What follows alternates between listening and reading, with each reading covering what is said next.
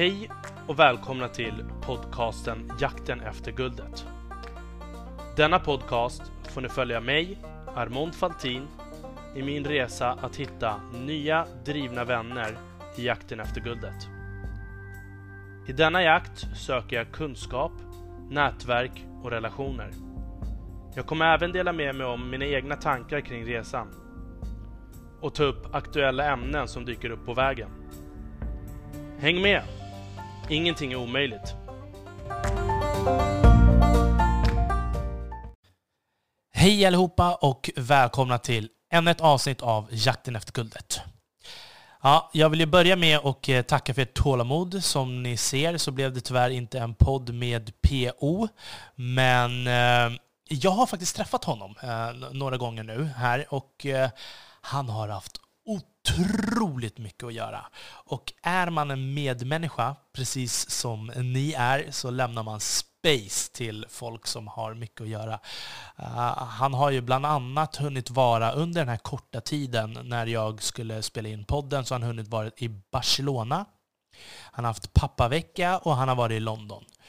Och när man vet, liksom, sitter på så här, inte insiderinformation, men när du vet att någon uh, ska göra affärer, liksom, ja, men så här, million dollar deals, då, då måste man ge folk space helt enkelt. Det ska, vara, det ska vara i rätt läge när man vet att han är utpustad och, och färdig och redo att liksom podda. Och sen dessutom så har ju han faktiskt också en egen podd som han spelar in varje söndag och sänder Eh, varje onsdag utöver allt arbete som han gör. Och han är, han är en supermaskin. Så därför är det viktigt att PO måste vara utvilad när vi tar vårt samtal. Men eh, det har ju också varit så här, lite spännande möten som jag har haft och det har varit sjukt stressigt på senare tid. Jag kan tyvärr inte dela med mig om det just nu, det kommer jag göra lite längre fram. Men eh, lite spännande personer som jag har träffat nu i alla fall. Jag, jag sprang ju på PO och Bobbe uh, mitt i när de hade liksom ett sponsormöte. De är ju sponsrade av den här eh, spökbutiken, eller vad man ska kalla det, Kavall. Kavall är ju... De har spökbutiker i Stockholm, Malmö och Göteborg. Och gör en hemleverans av matvaror inom tio minuter. Och, och, och jag, jag, sprang in i det där mötet som de hade och eh, träffade den här tjejen faktiskt, Hanna, som är Head of Marketing och Growth på Kavall. Och um, hon verkade vara en riktigt spännande person. Och jag, jag, tror faktiskt att jag ska ta in henne också in till podden. Så det, det, det, är kul hur, precis som jag berättade innan, att när man är i vissa miljöer så stöter man på så mycket spännande personer. Och hon verkade vara en sån. Och Kaval fick ju in nu förra veckan, tror jag det var, 155 nya miljoner och de startade redan, alltså de är inte ens ett år gamla. Och första rundan tog de in, jag tror att det var i juni förra året, 50 miljoner. Och nu tog de in en andra runda. Eh, de gick in i Oslo och då verkar det ha gått superbra. Men Alltså min take på själva affärsidén, jag vill inte gå in för mycket och grotta där ifall vi tar in henne i podden. Eh, men bara som ett utomstående perspektiv, eftersom det handlar om tio minuter, så tror jag att modellen ser lite mer ut som en helt vanlig butik. Du orkar inte gå ner eller du hinner inte gå ner. Du kanske har barn, du bor i innerstan och, och, och, du beställer den maten som du egentligen behöver gå ner och handla och så tar du hand om barnen eller fixar disken eller tvätten eller någonting. Och, och så kommer någon hem och lämnar maten eh, utanför dörren. Och jag tänker så här, den här affärsidén är väldigt smart för att jag ser inte dem som konkurrenter till andra Mathemleveranser för att de här gör det på så pass korta avstånd och bara i innerstäder just nu i alla fall. Jag tror att det bara kommer vara så. Det känns som att målgruppen eh, är, de, är nog innerstadsfolk som har det väldigt stressigt. Eh, och själva affärsidén som jag tror, eh, det är att Tänk er att det är som en helt vanlig butik. Istället för att du ska gå ner och plocka och handla på din lokala matbutik så gör de vanliga anställda det helt enkelt. Och så kör de bara hem maten på en elsparkcykel eller cykel och, så har du den hemma inom tio minuter. Precis som du själv skulle göra på din egen matvarubutik. Så att på så sätt så blir det liksom inte de här långkörningarna eller liksom de här enormt stora. Nu vet inte jag hur stora de här beställningarna är, men det känns eh, lite mer, eller ganska mycket mer miljövänligare än de andra alternativen vad det gäller liksom mathem och, och sånt annat. Och jag tror att inte att de heller det finns inga dåliga avtal heller för de som plockar och lämnar maten för att de är liksom timanställda precis som en vanlig kassaanställd eller butiksanställd på ICA. Så det är liksom ett helt vanligt jobb. Istället för att packa och fronta varor i butiken så packar du varorna och så kör du bara hem dem direkt till eh, kunden som har beställt det. Och nu tror jag inte att det är samma person, utan det är någon annan som kör det. Men det är liksom... Det är, ett, det är en väldigt intressant affärsidé. Och jag undrar hur stort område de sträcker sig för. Jag tror att de kanske, vad, vad kan det vara liksom? Eh, inom en radio på, en radie på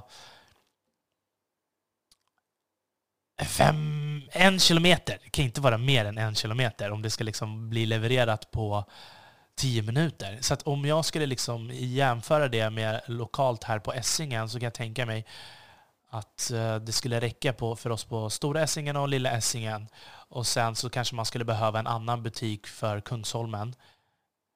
Eller så kanske, ja, jag vet inte, det blir svårt. Men jag tror att radien är ganska snäv och det gör i alla fall att det här blir ingen Inga avgaser eftersom det är liksom elfordon som rör sig. Inga dåliga avtal eftersom att det är liksom fast timanställda. Uh, jag tror inte att de konkurrerar, precis som jag sa tidigare, med de andra matleveranserna. Så det här, jag tror att det här är en väldigt smart idé. Och uh, Hanna hon verkar vara en väldigt cool, framåt uh, person, så att henne vill jag ha in definitivt i podden för ett samtal och höra om hur det egentligen står till och hur, hur det är liksom. Hon pratade lite om uh, hur hon liksom... Ah, nej, nej jag, kan, jag, jag kan inte avslöja. Sorry. jag kan inte avslöja. Det blir, det blir för mycket. Oh. Men det var i alla fall lite av det senaste. Men sen har jag också skrivit lite med eh, Tom. Eh, Tom Flumé från Apprentice. Jag, pra jag pratade om honom innan, om att jag vill ha in honom i podden. Jag skrev lite till honom uh, i tisdags eller onsdags eller någonting. Och, och, och och eh, han har ju fått ett sånt otroligt tryck efter eh, tv-programmet. Så jag tror att det var någonstans vid halv tio, halv tio, tio eller någonting på onsdagskvällen så bara kraschade hans sida för att det var så himla många besökare på sidan. Så att nu kommer det nog vara lite, man får ha lite is i magen innan Tom kommer in. Jag kommer se till att ta in honom.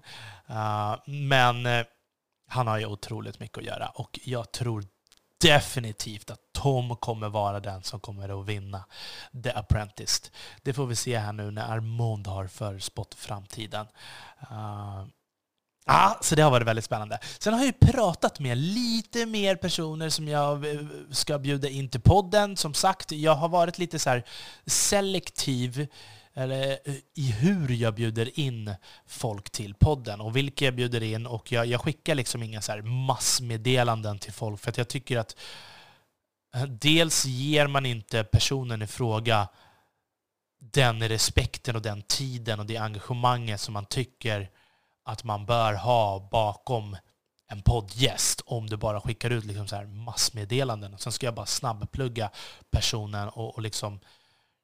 Nej, men... Eh, så att jag har varit i kontakt med några spännande personer som jag tror att vi kommer ha in. Och sen så har jag också eh, eh, en poddgäst som är superintressant, som jag har lyssnat på i poddar tidigare och som jag ska intervjua nästa vecka. Jag vill inte säga namn den här gången, för att jag vill inte jinxa någonting. Jag kan säga så här, att under den här korta tiden som har gått sen senaste avsnittet så har jag haft fem ombokningar.